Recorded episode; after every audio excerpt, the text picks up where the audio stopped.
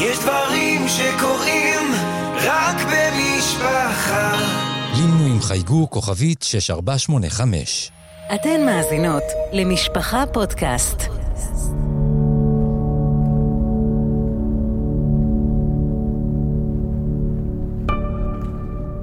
אם ודרך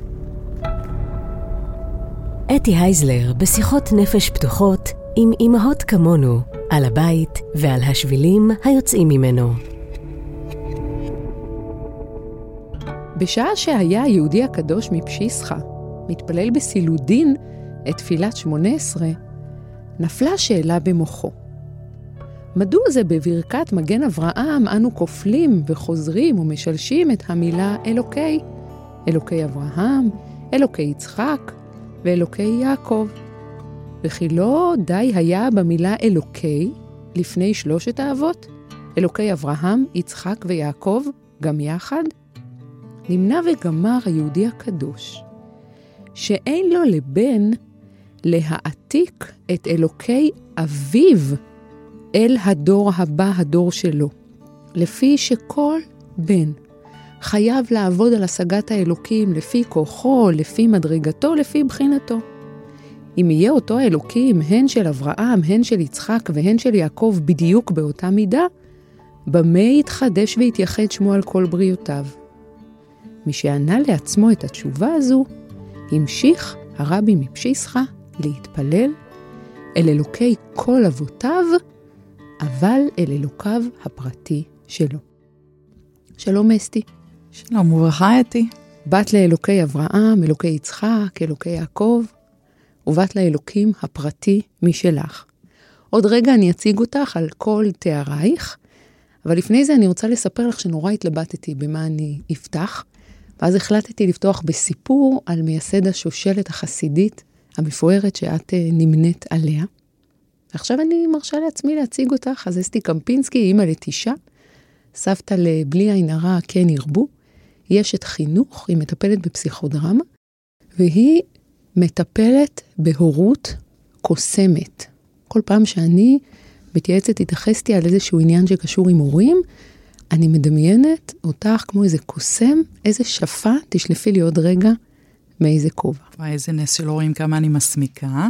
תודה. מסמיקה וקוסמת, זה מעניין הקשר ביניהם. תודה, אתי. תודה, חברה שלי. אז אנחנו כאן רוצות לדבר על קו התפר שבין להיות אימא ששייכת לכלל, לבין להיות אימא ששייכת בסופו של דבר אך ורק לפרט, לבת שלה. אז אסתי, אני הבאתי את הסיפור המכונן שלי, אבל מעניין אותי האם לך יש מתוך השושלת שלך סיפור מכונן אה, אולי דווקא על דמות אישה אפילו. אז חייב להיות דמות של אישה, כי אני, את שואלת אותי על הורות ואני אימא וסבתא. אני חושבת שהסיפור המכונן הוא הסיפור שבעצם אה, סבתא שלי, שגם אני קרויה חצי על שמה, זו הרבנית פייגה מינצ'ה, אימא של סבא פני מנחם. היא נישאת בזיווג שני לאדמו"ר אה, בעל האמרי אמת, ואז נולד לה בן הזקונים של האמרי אמת, רבי פנחס מנחם, בעל הפני מנחם. אחד הסיפורים שאני זוכרת אה, שסופר לי כשהייתי ילדה קטנה, וזה סיפור שאני חושבת שדי נתן לי פרספקטיבה על, על המקום שלנו בעולם, בעבודת השם שלנו, גם כבני אדם וגם בהמשך כהורים. היא הייתה ילדה בת 11, אחי הגדול ממנה בשנה הוא בן 12, והם שניהם ערב יום כיפור נכנסים לסבא הגדול, בעל השפת אמת, והם עומדים לצום, יום כיפור ראשון, היא בת 11, הוא בן 12, והם נכנסים לסבא. והסבא, שפת אמת, רואה את שני הנכדים שלו שנכנסים ככה לשלב הבא, שלב של בגרות. הוא דווקא בוחר לומר להם לא, כל הכבוד ויופי שאתם מקדימים, הוא דווקא אומר להם משהו מסדר שונה. הוא אומר להם, אתם צריכים לזכור שכל הכבוד שבחרתם לצום, אבל אתם לא חייבים, אתם בוחרים לצום. ותזכרו את זה בכלל בחיים. בתוך היהדות צריך לבחור. אני חושבת שזה מה שהיה לי מוטו הרבה מאוד בחיים שלי, בתוך כל מערכת הציוויים וההלכה והגבולות והגדרות. גם לעצמי וגם לילדים. לחזק את נקודת הבחירה ואת נקודת האחריות. אז אולי אנחנו נעשה את השיחה היום בדיוק על המקום הזה.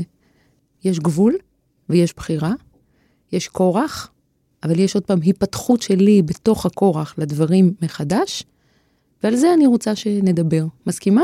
בשמחה, אני איתך, בוחרת. אז עכשיו אני מכריחה אותך קצת, ואת תהפכי את זה לבחירה, לדבר איתי על איזה אימא היית כשהיית צעירה, ומה השתנה, ואיזה מין אימא את היום. טוב, זה קצת מביך, אבל אני אעשה את זה איתך. אני חושבת שמה שמאוד מאוד מאפיין את השינוי, אני אתחיל אולי דווקא מנקודת השינוי, ואז הבנתי כמה לא הייתי ככה. כי תמיד אנחנו מתחילות אחרת. המתבגר, האחד לפני האחרון, כשהוא היה בחור בן 14, אנחנו החלטנו שהוא עובר ישיבה, לישיבה שלא כל שאר האחים שלו למדו, אנחנו בוחרים במקום אחר, בישיבה אחרת. זו הייתה בחירה מאתגרת, זה שינוי, זה שינוי משמעותי. והיה שם סביב השאלת ההתאמה של הישיבה, ידענו בבירור שזה מה שהוא צריך, וזה מה שמתאים, וזה מה שמתאים לו. והבנו כהורים שעשינו את הבחירה הנכונה. אבל אז אני זוכרת את עצמי, מסתכלת עליו הולך עם המזוודה, פוסע על הישיבה, צעירצ'יק, בחור, ילד קטן בן 14, וחשבתי לעצמי שאין אופציה לילד הזה לפשל. הוא חייב להוכיח שהבחירה שלי הייתה נכונה. אני כל כך מסתכנת בבחירה הזאת, שהוא חייב להיות בסדר. ופתאום קלטתי שבמזוודה שלו יש לא רק מצעים ושוקולד ומארז וחולצות מגועצות, יש גם המון המון ציפייה שלי שהוא צריך להגשים אותה. לך אסור לטעות, אתה חייב להיות מצוין. למה? כי אני עשיתי איזושהי בחירה, ואתה חייב לספק לי את התוצאה. וזה היה הרגע שעצרתי ואמרתי, לא, בחרת בחירה, את שלמה איתה, היית צריכה לעשות איתה? עכשיו קדימה, עכשיו יש לילד את הבחירה שלו. וזה, אני חושבת, המקום שבו קלטתי שפעם לא הייתי כזאתי. שפעם כשהייתה עליי חובת ההוכחה, פחות ראיתי את הילדים, הם היו צריכים לשתף איתי פעולה בטוב, בממתקים, בפרסים, במבצעים, לא לדאוג, לא במכות דווקא. אבל הם היו צריכים לשתף איתי פעולה בחובת ההוכחה שלי. וכן, אני יכולה להיזכר שכשהייתי צעירה, הייתה לי חובת הוכחה שאני אהיה אימא נקייה. למה? כי הייתי ילדה בלאגניסטית, ותמיד אמרו שיהיה אצלי תולעים בפח, ו... והסנדוויצ'ים בילקוט אה, יצאו החוצה, ירוק וכולי. וכשאני מתחתנת, אני אומרת, אני אהיה נקייה, אני אהיה נקייה. ואז נולדים ילדים בזה אחר זה, והם לא נולדים נקיים, הם פשוט לא נולדים נקיים. וחובת ההוכחה של הילדים הייתה, תעזרו לי שאני אהיה אימא מאוד נקייה. כנראה ששילמתי מחירים. אבל הרגע הזה שבו אני מבינה שמשהו בי התרכך, השתנה, מצליח לראות גם את הילד ולא רק את חובת ההוכחה, זה הרגע שאני אומרת, וואו, זה משמח אותי. אפשר, אפשר להשתנות. אז את מתארת תהליך בעצם שנקרא בשפה פסיכולוגית ספרציה, כן, שזה איזושהי היפרדות ונבדלות. אני והילד, אנחנו קרובים, אנחנו אוהבים, אבל אנחנו ממש לא נמצאים בסימביוזה, באחדיות כזאת שאי אפשר לפרק אותה. כן, אני חושבת שאחד הבסיס, מה שאני קוראת, אני קוראת לזה מובחנות, שיש איזושהי הבחנה ביני ובין הילד. אחד מהבסיסים להבנה הזאת זה באמת יש דיאלוג. זאת אומרת, אני לא מוחקת את עצמי, ואני לא מוחקת אותו. ולא מוחקת את עצמי זה לא כזה קל. יש הרבה מאוד אמהות שעושות דיל. זאת אומרת, בשביל שיהיה כאן, תהיה לנו הצלחה משותפת, אני מוכנה למחוק את עצמי. אני אתן לך הכל, אני אשתדל, אני אעשה הכל, הכל, הכל, אבל אתה גם באיזשהו שלב צריך למחוק גם את הצורך שלך. כך שזה יכול לפעמים להתלבש בצורה מאוד אה, אלגנטית, של נתינה, של התמסרות טוטאלית. בפנים צריך לשים לב, האם באמת זה הרצון שלי, של הילד? האם יש מקום גם לרצון שלי וגם לרצון של הילד? זאת אומרת, לא אני צריכה להימחק ולא הוא צריך להימחק. זה משהו מאוד מאוד עדין, שבו אני ברגע אמיתי עונה לעצמי תשובה, זה גם הרצון של הילדה שלי, שהיא תהיה ככה נראית טיפ-טופ. זה גם הרצון של הילדה שלי להצליח במתמטיקה. זה גם הרצון של הילדה שלי להתקבל לסמינר המאוד מאוד אה, מכובד הזה. אני חושבת שכל אימא יודעת בכנות, ברגע של שקט, של מי הרצון הזה. לפעמים זה קשה לענות את התשובה, כי כשיודעים את התשובה, זה מחייב. וזה מחייב לפעמים שינוי. אבל בלב בפנים, כשהאימהות האלה יושבות אצלי בקליניקה, הן עונות מאוד יפה על השאלה הזאת. כן, אני חושבת שאני צריכה את זה כי אימא שלי מאוד מאוד חשוב לה ש. כן, כי החברה שלנו מאוד מחזיקה מהמקצוע הזה. זאת אומרת, יש תשובה אמיתית, אבל לפעמים נוטים לשים אותה מאוד מאוד בצד ולמחוק בתוך הדיאלוג הזה את הצורך של הילד. את יודעת, זה ממש מזכיר לי שיחה שעשיתי לא מזמן עם אימא שנולדה לבת יחידה אחרי הרבה שנים.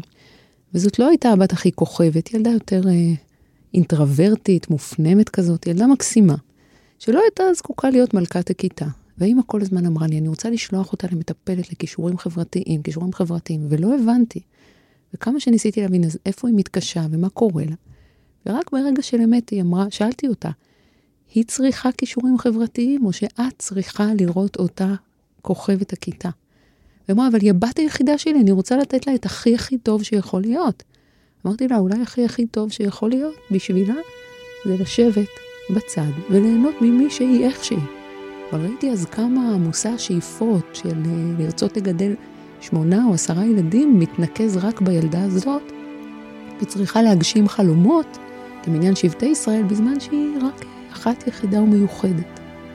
מתחברת מאוד, אני חושבת שזה אחד הרגעים הכי מסבכים שלי, שבאות אימהות אה, להתייעץ, הורים, ובסוף המפגש, לפעמים אפילו הראשון, יש איזו הנחת רווחה שמבינים שזה בסדר, ובסך הכל יש פה צורך שלי, לא צורך של הילדה, ואז פתאום הילד, הוא לא עושה בעיות, והוא לא דווקא, אה, יש לו סגנון לבוש מתריס, לא, הוא פשוט שונה, הוא פשוט אחר.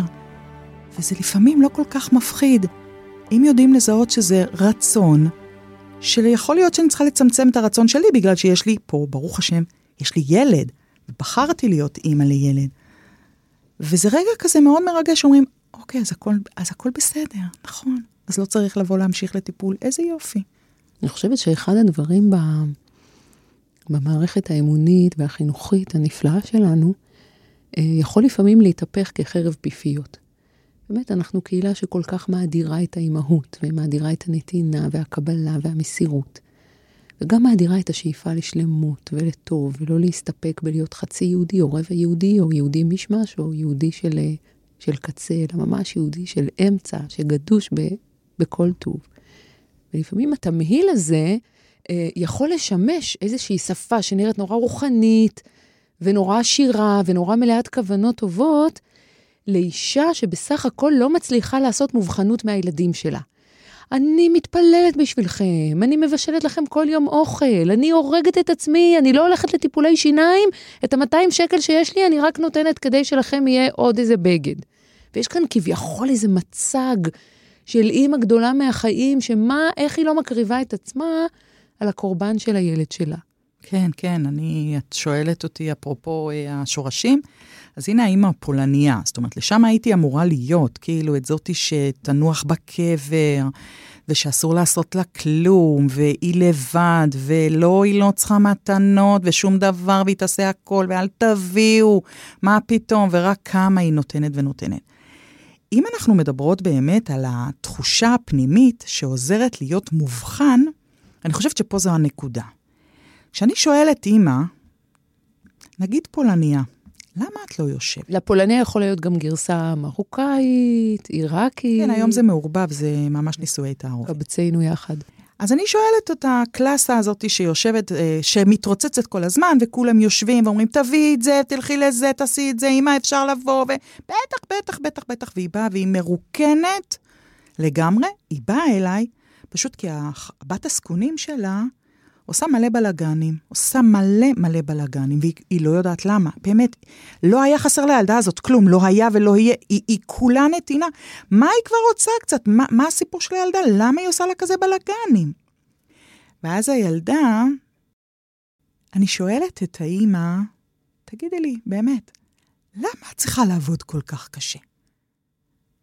למה את צריכה כל שבת לארח ארבע, חמש, למה את צריכה כל שבת שיהיה אצלך מלא? בעצם מה שהילדה שלך אומרת, אמא, אולי נהיה קצת לעצמנו, בשקט. לא, לא בא לי כל הבלגן הזה. וזה מה שהיא אומרת, ו- ואת לא יכולה לשמוע את זה, ואני שואלת אותה, למה, מה, מה? אז באיזשהו שלב היא יכולה לומר לי, אבל זה, זה התפקיד שלי. אני אומרת לה, אבל את עשית אותו כבר. ואז היא אומרת לי, עוד יותר ברגע של אמת, אז מה אני אהיה שווה? אז מה, אז, אז מה אני אהיה? וכאן אנחנו מגיעות באמת למקום הזה של מובחנות, זה לדעת שאני ראויה בזכות מה שעשיתי כבר, בזכות מה שנתתי, לדעת לנכס את זה לעצמי ולהגיד, איזה יופי, גידלתי, ברוך השם, כך וכך ילדים. הם כבר התחתנו, איזה יופי. מספיק. עכשיו, לא במקום של לא צריכה יותר, אני יכולה לבחור יותר, אבל לא, ריק לי אם לא. לחבר את העשייה לתוכי ולהגיד לעצמי, יש לי זכויות, אני זכאית כבר, אני יכולה לקבל, בטח כי כל כך הרבה נתתי. וזו התשובה לאידיש מאמה, שהיא אומרת, אי אפשר להפסיק להיות יידיש מאמה. את לא תפסיקי להיות יידיש מאמה, את זרעת, את נתת, את בנית. את יכולה קצת להרפות ולהסתכל ולראות איך הילדים שלך הולכים ומפתחים את זה. וכאן אנחנו מגיעים למפתחים את זה, כי כאן זה התור שלהם לעשות את זה, ולפעמים לעשות את זה שונה, לא בדיוק כמו שאת עשית. אבל אם את יודעת שאת בנית והנחת את היסודות, את משחררת. את אומרת, בסדר, עכשיו תורם. את יודעת, זה ממש לוקח אותי לשתי מושגים מהעולם של הפסיכולוגיה הצרפתית, שנקראים סובייקט ואובייקט. אימא שהיא מרגישה ראויה, ושהיא עושה, והיא עושה דייה, והיא לא חייבת לעשות הכל כל הזמן. אימא שהיא סובייקט, היא מתמלאת מעצמה, היא גם אוהבת לתת ולהעניק, אבל היא בעיקר יודעת גם להגיד לפעמים סטופ ודי, ואני לא רק נמצאת כאן כאיזה מכשיר אה, מכונת קוקה קולה שכל הזמן תוציאו ממני בקבוקים. וזה ממש בסדר שאני אומרת השבת, אני לוקחת חופשה. כן, זה בטח בסדר. כן. אימא כזאת היא לא אימא אובייקט. אובייקט זה חפץ. זה שולחן, זה כיסא, לוקחים אותו, מעבירים אותו, משתמשים בו, אין לו חיות ואין לו נשמה משלו. עכשיו, כל כך הרבה פעמים אימהות מפחדות להיות סובייקט, כי מי יודע מה יהיה עם הילדה שלי, אם היא לא תקבל את כל מה שאני יכולה לתת לה, אם היא לא תהיה מוקפת ומרופדת. ואז אני אומרת להם, אבל המתנה הכי גדולה שתוכלי לתת לילדה שלך, זה תלמדי אותה איך להיות בעולם הזה לא רק אימא אובייקט, אלא גם אימא סובייקט. כי אימא שהיא סמרטוט, והיא בובת תותי סמרטוטי, גם הבת שלה בסופו של דבר לא תדע איך לקחת בעלות, בחירה ואחריות על החיים שלה. אז אין מתנה גדולה מזאת יותר מפשטידה נוספת שאפית לשבת. ואני גם רוצה לחזק את הסמרטוטי הזה, אהבתי אותו. אה, מה שקורה בסוף לאימא סמרטוטי זה שהיא בסוף כועסת. יש, בהתחלה יש תחושה של מובסות, כאילו, אין לי ברירה, חיים גדולים עליי, אני חייבת, אני חייבת, אבל אז בסוף היא מאוד כועסת. אז יוצאת תוקפנות. ולא תמיד הילד יודע למה את כועסת, כאילו, מה השתנה במשחק? תמיד נתת, אז למה, מה, מה קרה? וגם האימא לפעמים לא כל כך יודעת למה אני כועסת. אבל בטח שזה מכעיס, כי זה מכעיס להיות סמרטוט. אז בעצם, אסתי, את מסמלת איזשהו סימן לאימהות שנמצאות בדילמה, האם אני יותר מדי אובייקט, האם אני יותר מדי סובייקט? אם אני מרגישה שהעשייה שלי, שהנתינה שלי, שהאימהות שלי מכילה הרבה, אה, חלק מהזמן, כעס לא פתור, לא מוסבר, אני כועסת עליהם, אני כועסת על הבעל, אני כועסת על הגיסה, על החמות. אני מצפה כל הזמן גם, יש איזו ציפייה שימלאו לי חסר מסוים. בלי לקחת אחריות אישית על מילוי החסר שלי. אני נתתי כל הזמן, אז עכשיו אתם תחזירו לי. לא. אולי לא נתתי עד אין קץ, אז אני גם לא מצפה שתחזירו לי עד אין קץ. אתם לוקחים אחריות על המילוי שלכם, ואני לוקחת אחריות על המילוי שלי. נכון, מדויק. אסתי, ההבחנה שלך על מובחנות מזכירה לי אה, אנקדוטה מתוקה מדבש שאירע באיזשהו סימפוזיון, שממש בערוב ימיו של הרב שטיינמן אה, התרחש.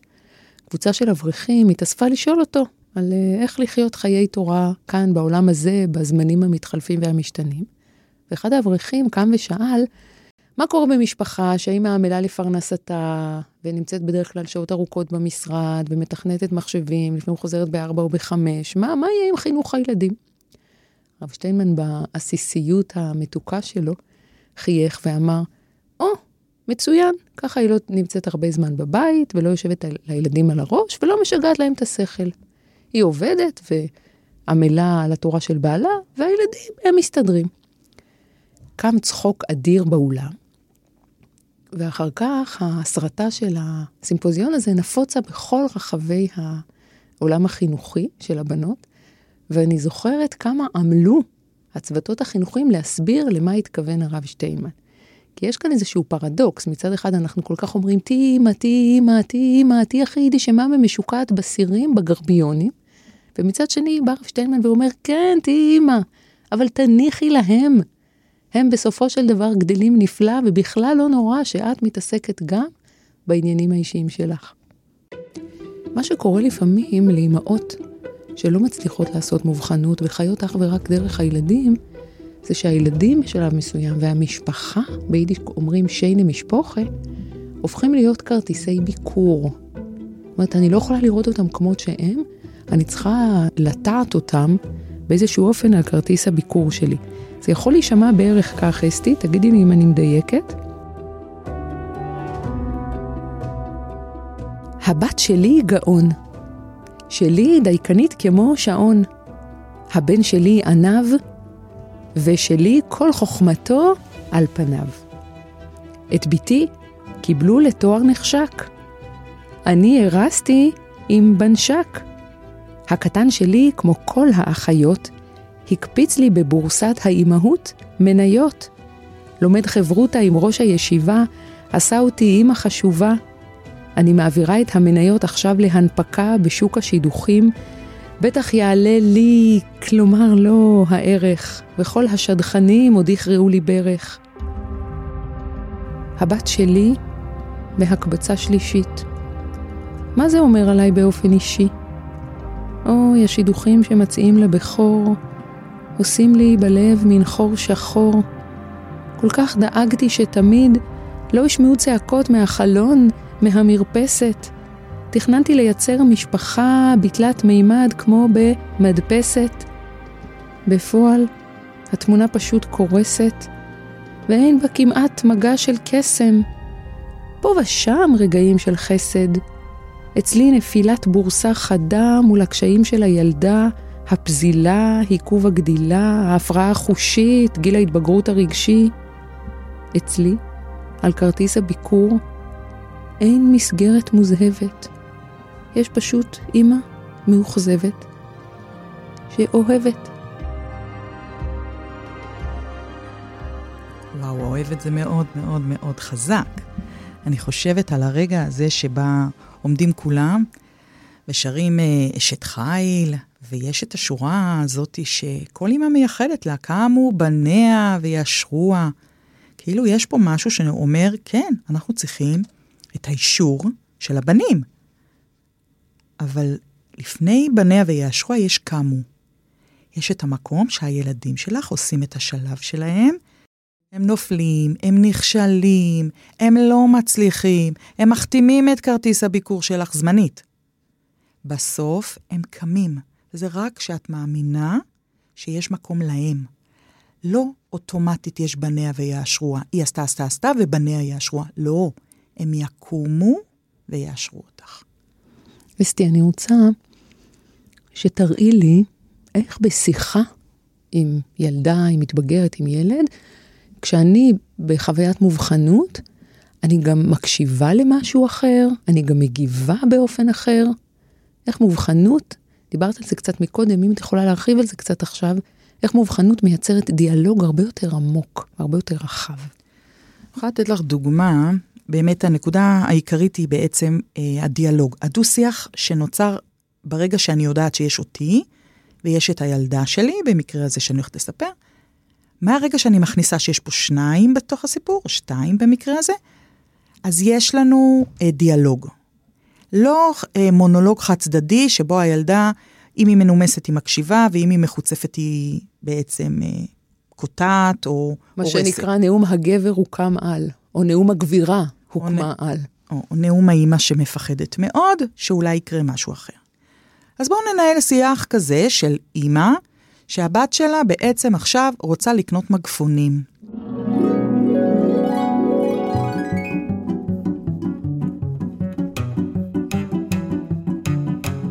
אמא, לכולם יש מגפונים. לכולם יש מגפונים. את האימא היחידה שפשוט לא מרשה כלום בבית הזה. 50 שנה אחורנית, אולי את שמה, אולי. עכשיו, אם אני אימא, בלי מובחנות, אני באמת, מה שאני רוצה, אני מונעת מחרדה, מפחד, שהילדה שלי הולכת להיות מחר מסולקת מהסמינר. זה הדבר האחרון שחסר לי. יש לי בן בשידוכים, יש לי מחותנים שיח חשובים, אני לא רוצה לדפוק את כרטיס הביקור, אני רוצה אותה עכשיו מהר ומיד מצייתת. לא רואה את הצורך שלה. ואז מה תעני לה? אם את מתוך אימהות כרטיס ביקור? תגידי, את נורמלית? באמת את רוצה שהסמינר יעיף אותך? מה תעשי בבית? מה, תנקי, תחפשי, תעשי תיקונים, מה יצא ממך? אז מה, אז מה את רוצה? עם מי את רוצה להתחתן? מה יהיה עם השידוך שלך? טוב, די, די, די, די, די, אני מקבלת בחילה. אפשר יותר בעדינות. אפשר להגיד, אין מה לעשות, זה החיים, נכון, זה הסמינרים, כל כך רצית להתקבל לסמינר XYZ, ידענו את זה, נכון, נכון. את יודעת מה, עוד שלוש-ארבע שנים תקני מקפונים. טוב, זה אני מבינה שיח של כרטיס ביקור. איך השיח הזה יכול להיפתח למפגש? בשיח שיש מפגש, אני באמת אומרת, מה הילדה שלי רוצה? עכשיו, אני לא מחליטה עליה, וכאן אני מכניסה עוד כלי שנורא חשוב שאנחנו כאימהות נבין אותו. הרבה פעמים אני שואלת אותי, אז מה הילדה שלך רצתה? ומאוד מהר יש לך תשובה. היא רצתה להתחצף, היא רצתה להתריס נגד הסמינר, היא לא אוהבת את המוחנכת שלה, היא... שאלת אותה? שאלת אותה את השאלה, למה זה חשוב לך, מגפונים? לא, לא שאלתי, אני מבינה לבד. לא, אנחנו לא מבינים לבד. בדיאלוג, אני לא אוהבת שמבינים עליי, אני אוהבת להסביר. גם הילדה שלי, במיוחד בגיל ההתבגרות, גם אוהבת להסביר. את בעצם אומרת, תרימי רגע את הווילון, המגפונים הם וילון, תנסי בעדינות להרים את הווילון ולראות מה המוטיבציה הרגשית, הנפשית. מה עומד מאחורה? למה את רוצה מגפונים? עכשיו, את מקשיבה לה, ולא בחרדה של אימא ל... אם אני מסכימה להקשיב, למה מגפונים? זה אומר שאני מסכימה שיש מגפונים, אבל זה אומר שמחר תהיה לכם מגפונים, וזה אומר שמחר את מסולקת. רגע, עוד לא. רגע. אני רוצה מגפונים כי לכולם יש. לכולם יש, ונמאס לי שהחברות חושבות שאנחנו בית ישן בטטה. נכון, זה כל כך קשה להיות שונה בגיל שלך מחברה. נכון, גם אני נורא נורא היה חשוב לי להיראות כמו החברות ולהיות בעניין. בגדור שלי לא היה מגפונים, אבל כן, אני זוכרת, נכון, זה נורא נורא חשוב להיות בתוכו ומקובלת. אני מה זה מבינה אותך? טוב, אז את מוכנה לקנות לי מגפונים? אז מה את אומרת? אני רוצה מגפונים. כן, נכון, כי את מאוד מאוד רוצה להיות מקובלת. אמא, אני רוצה מגפונים. אני מוכנה לעשות עוד בייביסיטר, אני מוכנה לעשות עוד כלים, אני מוכנה לקנות את זה מהכסף שלי. אני רוצה מגפונים. אני לא אוהבת להרגיש שאנחנו משפחה שנויזל. את באמת חושבת שאנחנו שנויזל? כן, וואו. כן. חברות שלי נוסעות לחו"ל, מהמם. חברות שלי מזמינות דרך כל מיני אתרים. אנחנו רק צריכים לקנות מחנויות, ורק צריכים להיות שמרנים. די, לא בא לי. כן, זה לא קל, את באמת שונה, וואו. זה לא קל, אני חושבת על זה, וזה לא קל לך, וואו. זה, זה קשה, זה מאתגר. אז את קונה לי מגפונים? לא, אני לא קונה לך מגפונים. אני לא קונה. אני מבינה שזה קשה לך, אני גם מבינה שאני מאכזבת. מה את תעשי בסוף? אני באמת סומכת עלייך. אני יודעת שאת יודעת מה הסמינר אומר, מה, מה ההורים שלך רוצים, ומה את רוצה. אני סומכת עלייך. אבל אני לא קונה לך מגפונים. אה, את אימא כבדה, כמעט כמו הכובד של המגפונים, אימוש. כן, אבל אני אוהבת אותך. ואנחנו יכולות לדבר על זה. חפרת. מהמם, ככה זה אימהות. וואי, אסתי, הפודקאסט הזה הלך פתאום למקום שלא ציפינו, לא ציפינו שיהיה לנו פה איזה סימולציה פסיכודרמטית כזאת. אני חייבת להגיד לך שכשנכנסתי לתפקיד והתחלת לדבר איתי, כמה שהיה לי קשה, אבל היה לי נעים, הרגשתי שאני יכולה להביא גם את הצדדים הקשים מול אמא שלי, היא תכיל אותם, היא תהיה איתם, למרות שאני ממש לא מבינה למה היא לא מרשה מגפונים. אני חושבת שזה הקסם, זה ממש הקסם שהרבה פעמים אומרים, בוא נתחיל עם גבולות. ואני, מה שאני אומרת זה, רגע, רגע, קודם נתחיל עם קשר. קשר זה דיאלוג. דיאלוג זה להכיר שיש לי ילדה או ילד, ויש להם רצונות וצרכים, ואני יכול לראות אותם, וזה לא מפרק. קודם כל לתת להם מקום. וככל שהקשר חזק יותר, יש יותר מקום לגבולות. זה פשוט עובד הפוך. אז בעצם את אומרת שדווקא כשלא יהיה לי כל כך אכפת מה מופיע על כרטיס הביקור שלי, זה דווקא אומר שהקשר שלי יותר טוב ואני יותר בוטחת במי שאני כאימא ובמי שהם כילדים. ואז הבנים שלי יקומו ויאשרו אותי בסוף. לא יאמן שאת הפולניה תגידי דבר כזה, במקום שתגידי, ואז בסוף אני אשב בחושך ואבכה, והם כולם ינטשו אותי לנפשי. לא, לא, לא, אני לא בוכה. אני ממש לא בוכה. אני יכולה לשתף אותך בסיפור די מכונן.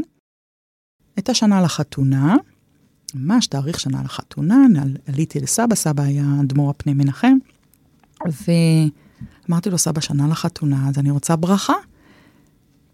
זרע של קיים, הילדים, המתנתי שנה, לא, לא מספיק. ואז סבא שאל אותי, כך בעיניים בוחנות, הסתכל ואמר לי, למה מגיע לך? למה את מבקשת את זה? טוב, הרגע הראשון היה נורא מבהיל, כאילו, כאילו ממש חשבתי שנגזרת עליי כרגע עקרות מוחלטת. אז הוא אמר, לא, אני לא אמרתי עוד כלום, אני רק שואל, את מבקשת ברכה מאוד גדולה, למה מגיע לך? לא היה לי מילים. ואז הוא המשיך, בקול מאוד רחום ו...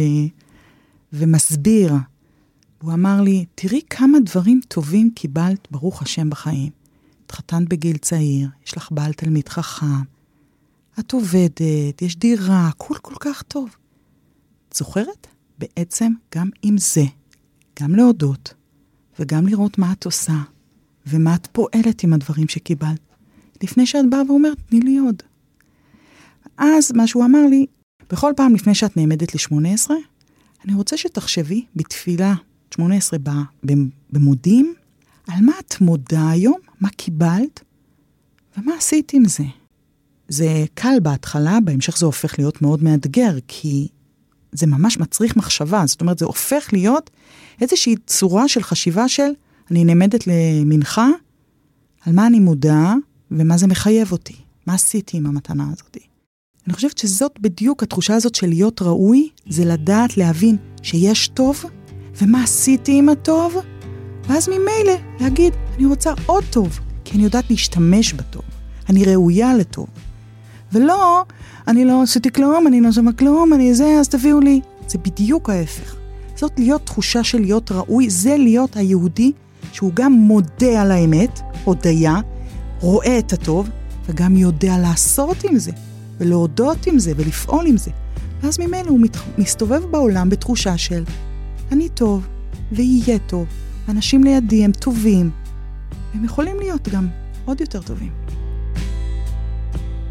וואו, אסתי, פתחנו עם ה-18 של הרבי מפשיסחה, שהוא מייסד השושלת, ואנחנו סוגרות עם ה-18 של הפני מנחם, שהוא נקודת אור זוהרת מאוד בשושלת. ואני רוצה להודות לך מאוד שבאת לדבר איתי על איך להפוך את הפולניה למשהו קצת יותר, אה, את הפולניה לראויה, נקרא לזה ככה, ואיך גבול הוא הזדמנות נהדרת לקשר תודה, ואני חושבת שהיה לנו דיאלוג מאוד מאוד יפה. תודה לך. להתראות. האזנתן לאם ודרך מבית משפחה פודקאסט. אני אתי הייזלר. תודה לעורכת תהילה סיטון, למפיקה איילה גולדשטיין, לעורכת הסאונד שיראל שרף. אפשר להאזין לפרקים נוספים בכל אפליקציות הפודקאסטים, באתר משפחה ובקו הטלפון 02 652 3820 שלוחה 40